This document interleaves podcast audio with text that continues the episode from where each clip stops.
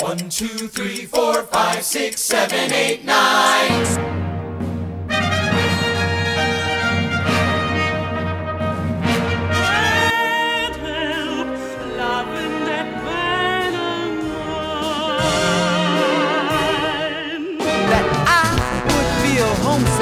elevator, that was my prison.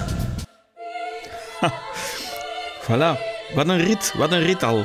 Sowieso, in 30 seconden hebt u Hamilton gehoord. Meest recente, hipste musical aller tijden bijna.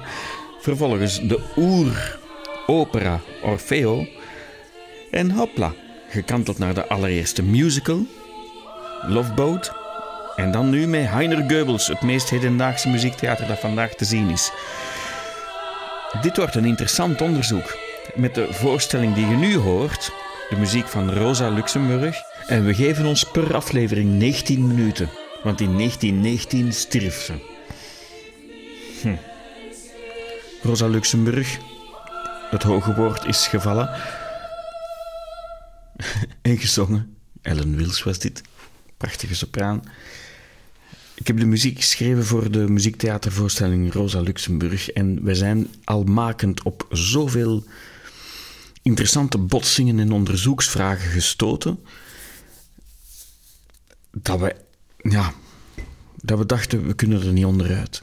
Hier, hier, ik ga moeten rondbellen. Het is ook corona, dus ik zit in mijn kelder. En ik wil weten, wat zijn de liefdes, wat zijn de haten, wat zijn de de ontmoetingen, wat zijn de mogelijkheden, wat zijn de strijden was, en, enzovoort. Over muziektheater. Zo eerlijk is het. Het is niet de meest professionele podcast, wees gerust. Maar het heet wel heel uh, underground. Radio Rosa. Mm -mm. Uh, voilà. Ik bel eerst met Johan Uiterschout. Peter, goedemorgen. Ah, goedemorgen. Hier zijn we dan. Ja. Uh, voilà, met dus de prangende vraag op onze lippen. Uh, waarom zijn ze in godsnaam beginnen zingen op een podium ooit? Ja, ja antwoord ik gewoon direct? Ja, je mocht gewoon vertellen. Ja, ja wel, uh, dat is eh, wat ik meestal noem te wijten aan een geniale vergissing. ik verklaar mij nader. Dus opera is ontstaan in de schoot van een academie in Firenze als idee eigenlijk in het laatste kwart van de 16e eeuw. Dat opzicht een heel klassiek renaissance-idee, men wou de Griekse tragedie doen herleven in een ja, eigentijdse vorm, op Italiaanse verzen. Hmm. Op zich is daar niks mis mee met, enfin, er is niks mis mee hoor, maar op dat opzicht is dat een heel begrijpelijk idee.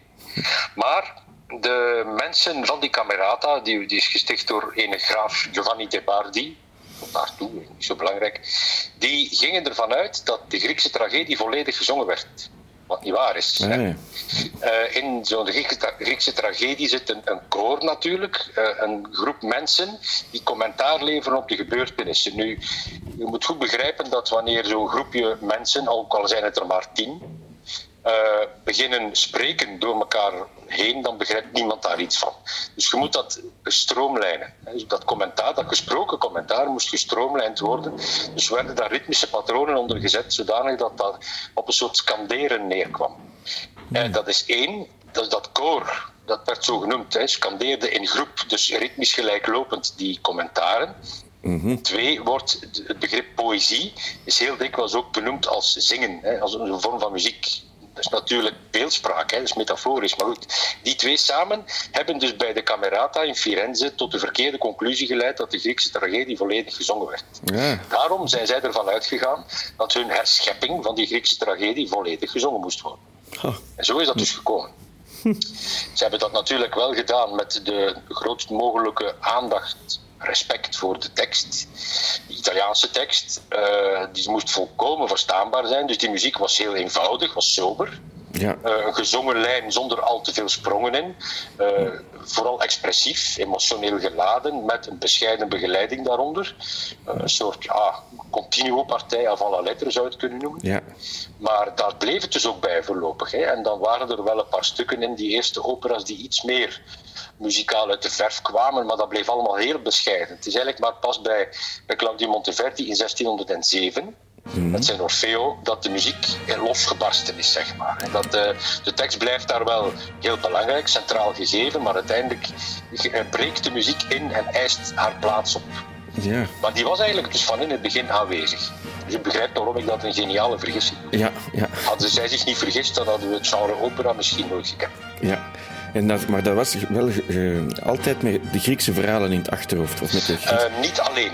Ah, ja. Eh, men gebruikte meestal verhalen uit de Griekse mythologie. Mhm. Orfeo, Daphne, noem maar op, dat soort dingen. Maar ook uit Italiaanse klassiekers werden ook gebruikt. Ah, ja. Fragmenten uit de Divina Commedia bijvoorbeeld. Maar dat was eerder in het beginstadium. Men is vrij snel overgeschakeld op die, op die Griekse verhalen. Verhalen uit de Griekse mythologie vooral. Ja. Dus pas in de jaren ach- 16...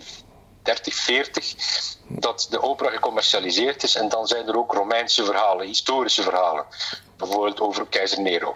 Ja, ja. Zo'n dingen zijn dan eh, op, op de proppen gekomen. Maar oorspronkelijk was dat eigenlijk een heel intellectueel eh verstrooien, maar verstrooien is het verkeerde woord, maar een Ja. intellectuele eh, bezigheid waarbij men de intelligentia van de stad, en, of ja, de, de richesse van de stad, verzamelde om iets te laten zien dat nog niemand gezien had. Ah ja, Ja, dus eigenlijk een heel, een heel exclusief soort vermaak. ja, ja. Dat werd dan ook in privépaleizen gespeeld. Ook zelfs de Monteverdi, de Orfeo nog, is gecreëerd in privévertrekken van, eh, in het paleis van Mantova.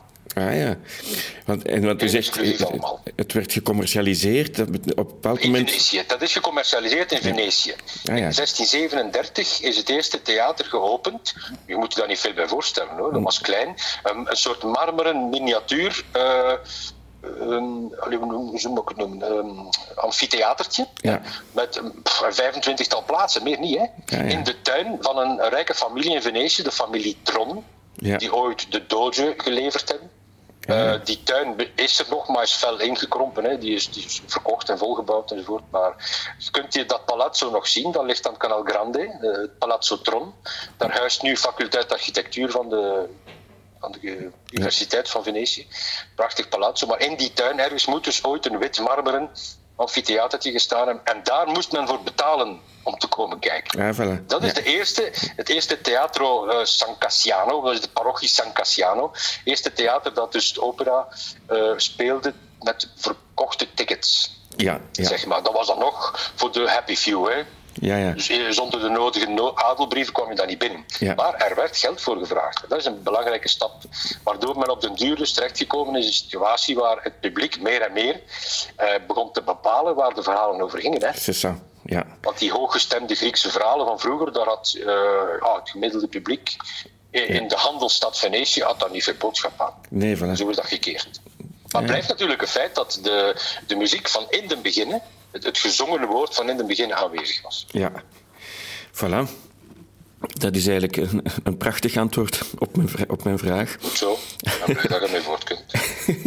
Wel, heel erg bedankt. eh, Met veel plezier, Peter. Tot ziens, hè. Tot horens. Dag. Ja. Dames en heren, u hoorde zo net Johan Uiterschout. Opera-expert tot en met.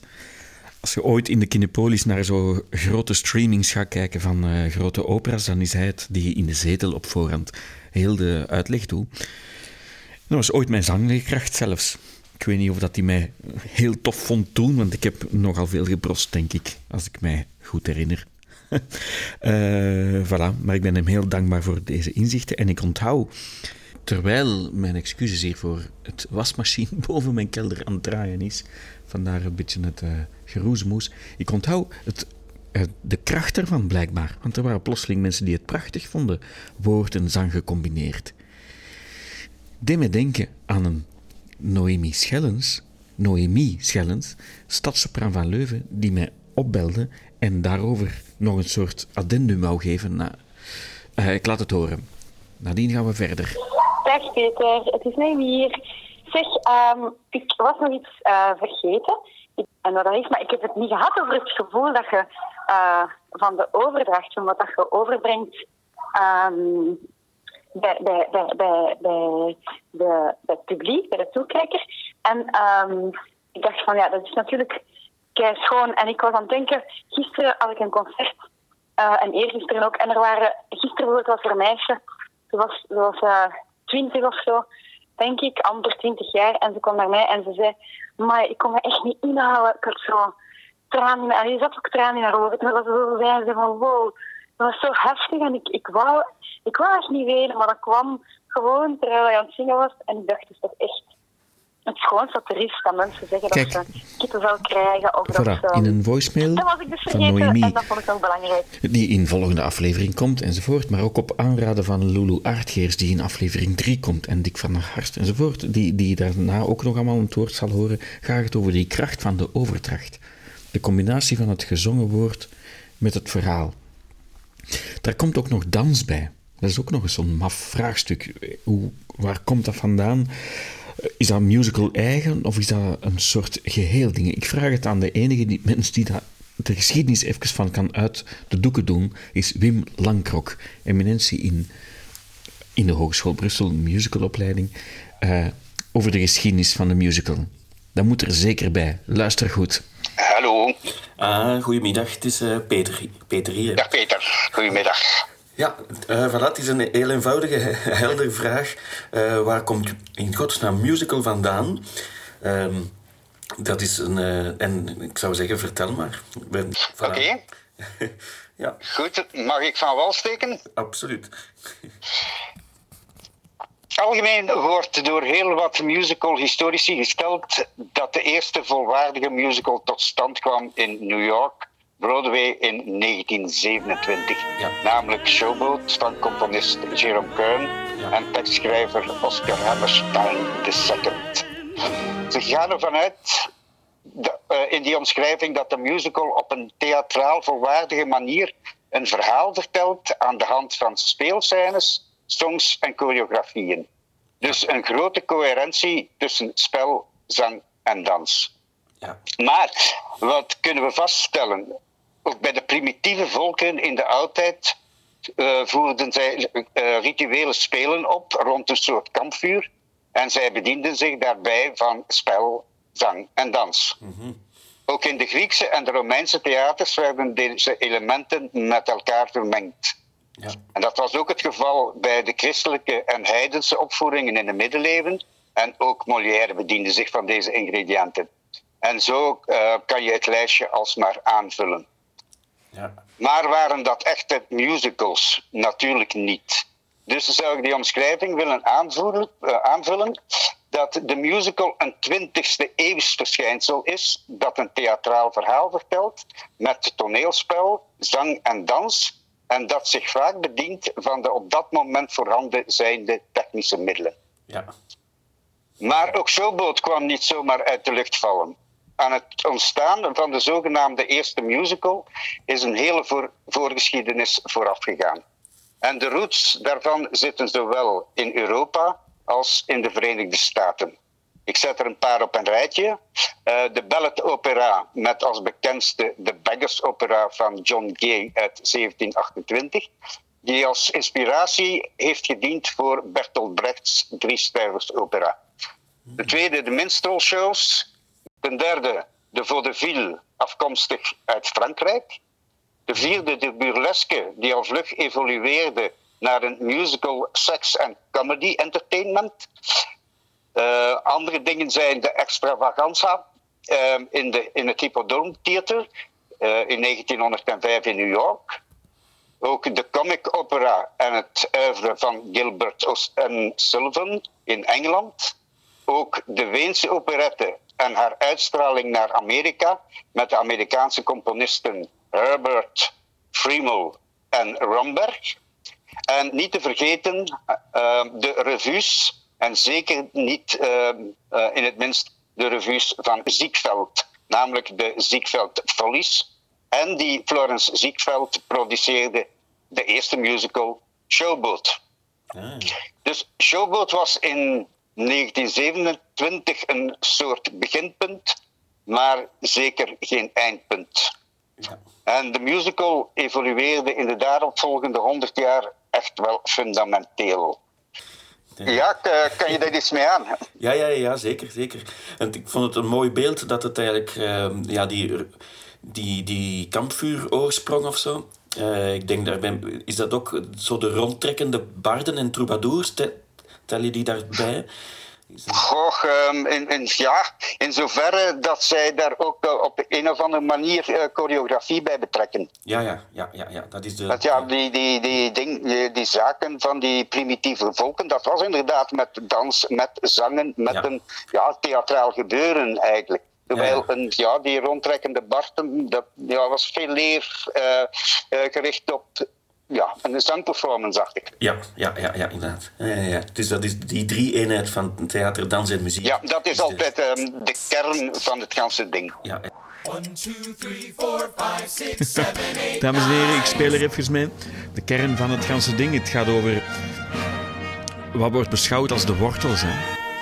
Als mensen samen beginnen zingen en dansen tegelijkertijd, is dat, is dat de kern.